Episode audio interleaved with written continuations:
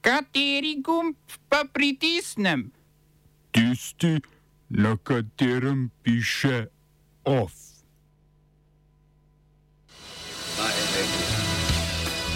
Perujski kongres odstavil predsednika Kastilja, po njegovi aretaciji zaprisegla prva predsednica Peruja. Četrta črna knjiga Pushbackov. Poročilo Lindava. Golob pozval k čimprejšnji premestitvi Darka Muženiča nazaj na mesto direktorja nacionalnega preiskovalnega urada. V kulturnih novicah videast Marko A. Kovačič in kaj so to plastosi.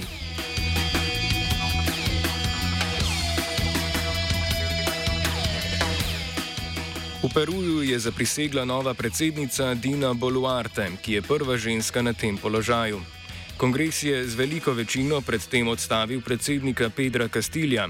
Glasovanje o njegovi odstavitvi je kongres sklical potem, ko je državni tožilec predsednika obtožil vodenja kriminalne organizacije, ki je profitirala od državnih poslov in ovirala preiskave.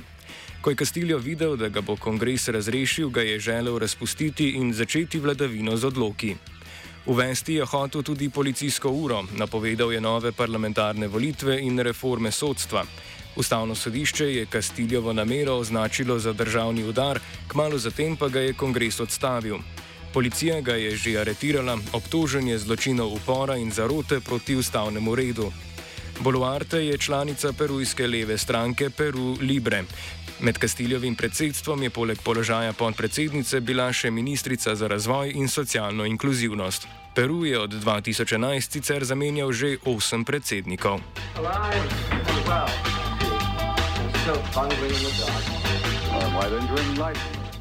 Gvatemalsko sodišče je nekdanjega predsednika Ota Pereza in njegovo podpredsednico Roksano Baldeti zaradi korupcije obsodilo na 16 let zapora.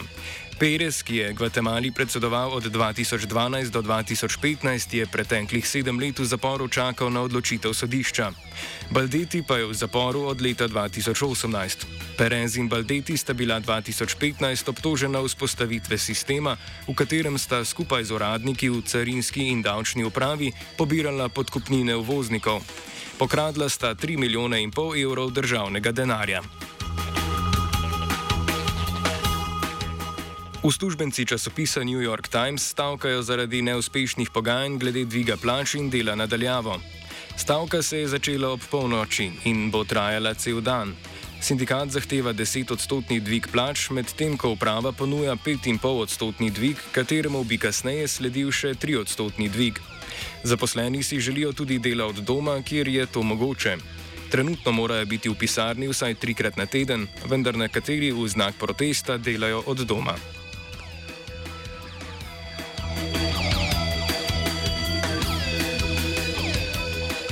V Iranu so usmrtili prvega zapornika zaradi napada na pripadnika varnostnih sil med protestom.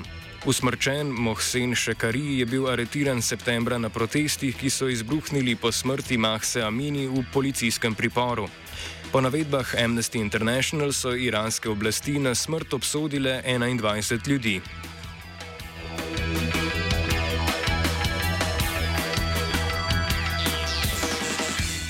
Volilna komisija v Nepalu je objavila uradne rezultate volitev, ki so potekale 20. novembra.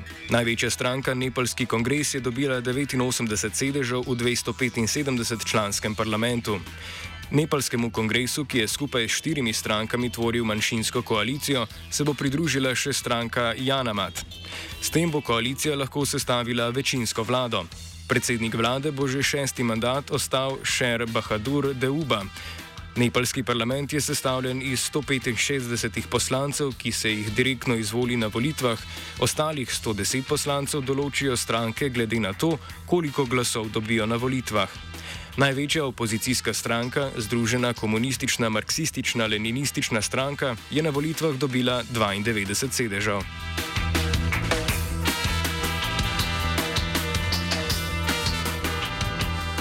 Evropska komisija je predlagala deveti svežen sankcij in ukrepov proti Rusiji po začetku invazije v Ukrajini. Nov paket sankcij vključuje ukrepe proti oboraženim silam Ruske federacije in proti vojaški industriji. Po predlogu komisije bi predmet sankcij postalo blago, ki se ga lahko uporablja v tako imenovane dvojne namene, torej v civilne in vojaške. Komisija bi sankcionirala podjetja, ki bi v Rusijo uvažala brezpilotne letalnike in dele za letala, nekatere kemikalije, prenosnike, objektive in trde diske. Predsednica Evropske komisije Ursula von der Leyen prav tako predlaga uvrstitev vojaških častnikov in članov poveljstva ruske vojske na seznam posameznikov in pravnih oseb, ki so pod sankcijami Unije.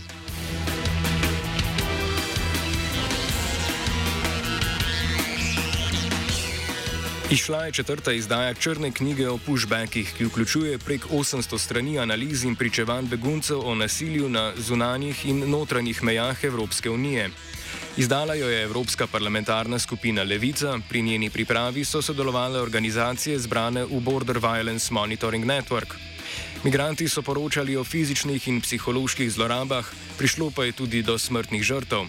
V Bosni in Hercegovini ter Hrvaški je denimo več migrantov umrlo kot dobilo azil. Dve leti po izdaji prve knjige, ki je detaljno popisala izvajanje pushbackov evropskih policij, so se ignoriranje pravic beguncev do izražanja namere podaja prošnje za mednarodno zaščito v splošnem ni spremenilo. Namesto tega so, kot piše v vodniku člani Evropske skupine Levice, Poljska, Litva in Latvija sprejele zakone za legalizacijo pushbackov. Ob tem je Evropska komisija ostala tiho in z novim predlogom zakonika o šengenskih mejah predlagala legalizacijo notranjih pushbackov tudi sama. Glavne ugotovitve nove izdaje črne knjige je povzela sourednica Hope Barker. So I think obviously one of the key takeaways is, of course, that um, pushbacks and human rights violations are continuing at borders despite the level of evidence that's been put forward. Um, and despite the fact that it's very clearly in contravention with international and union human rights law. Um, something else would definitely be to take notice of the increased levels of violence and torture like practices, particularly at the Croatian and Greek borders. Um, and then a final takeaway I think is important that we go into quite depth um, is the, the way the EU's failed approach in this um, new pact of migration and how it's just further entrenching possibilities of human rights violations rather than actually tackling the issue at hand. Smo se osamosvojili, nismo se pa osvobodili. Naslednje število je še 500 projektov. Izpiljene modele, kako so se strani nekdanje LDS rotirali. Ko to dvoje zmešamo v pravilno zmes, dobimo zgodbo o uspehu. Takemu političnemu razvoju se reče udar. Jaz to vem, da je nezakonito, ampak kaj nam pa ostane? Brutalni obračun s politično korupcijo.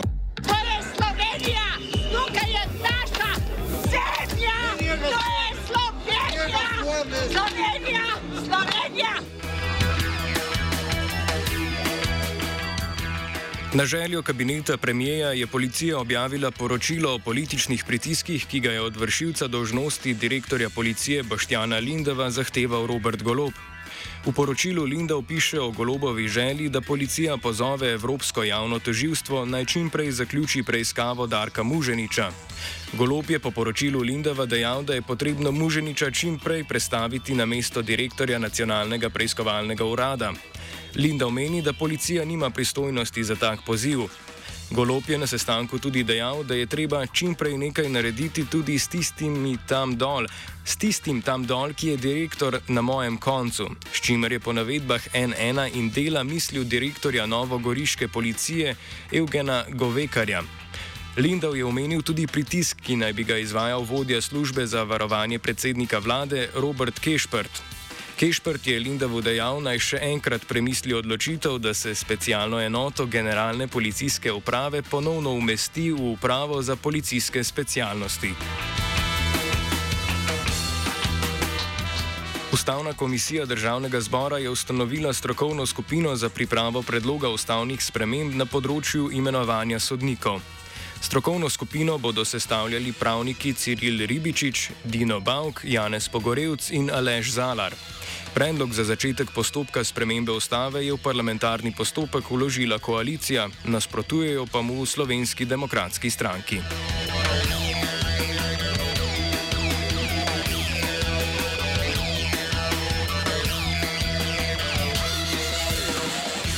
OF je pripravila vajenka Hanna, pomagal je Pero.